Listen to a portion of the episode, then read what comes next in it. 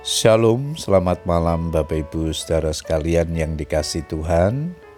Kita bersyukur kepada Tuhan, kembali malam hari ini kita datang kepada Tuhan untuk menaikkan ucapan syukur dan doa-doa kita kepadanya. Malam hari ini sebelum berdoa saya akan membagikan firman Tuhan yang diberikan tema Ahli Waris Kerajaan Surga bagian yang kedua ayat mas kita di dalam Roma pasal 8 ayat 17 firman Tuhan berkata demikian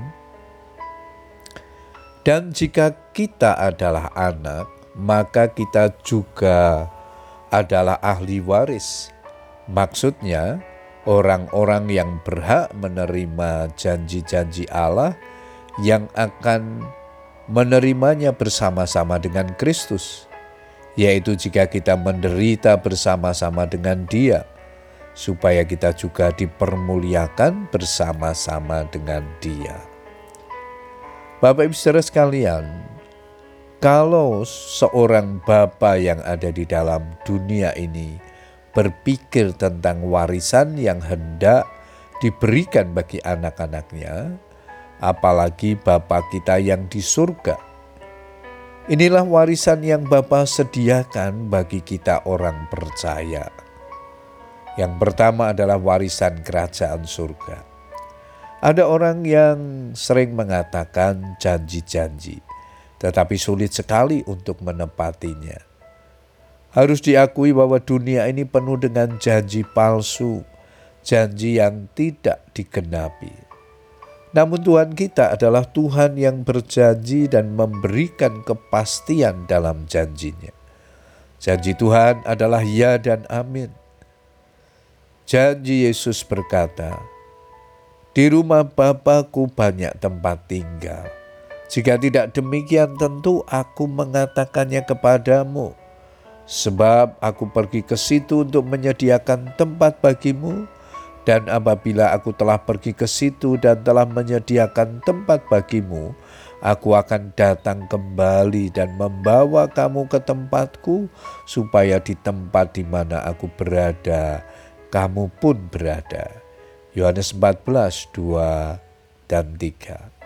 Surga adalah sebuah kepastian bagi orang yang percaya kepada Tuhan Yesus. Hal yang kedua yang dijanjikan adalah kemenangan. Di dunia ini ada banyak sekali tantangan, bahkan iblis tidak pernah berhenti mencari cara untuk menghancurkan hidup orang-orang percaya. Kita tidak perlu takut karena di dalam kita ada Roh Kudus. Dialah yang akan membawa kita kepada kemenangan, menang atas persoalan, dan menang atas kuasa iblis. 2 Korintus 2 ayat 14 di sana dikatakan syukur kepada Allah yang dalam Kristus selalu membawa kami di jalan kemenangannya. Warisan berikutnya adalah berkat. Aku datang supaya mereka mempunyai hidup dan mempunyainya dalam segala kelimpahan. Yohanes 10 ayat yang ke-10. Tidak perlu kita hidup dalam kekhawatiran selama kita mencari dahulu kerajaannya dan kebenarannya, maka semua yang kita butuhkan akan ditambahkan di dalam hidup kita.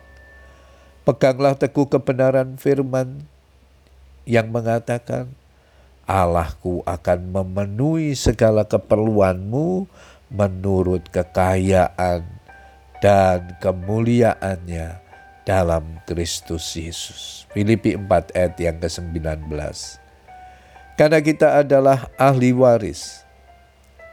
Allah dan Bapa Tuhan kita Yesus Kristus yang dalam Kristus telah mengaruniakan kepada kita segala berkat rohani di dalam surga. Puji Tuhan Bapak Ibu Saudara sekalian, biarlah kebenaran firman Tuhan yang kita baca dan renungkan malam hari ini boleh menjadi berkat di dalam kehidupan kita. Tetap semangat berdoa dan berharap kepada Tuhan. Tuhan Yesus memberkati. Amin.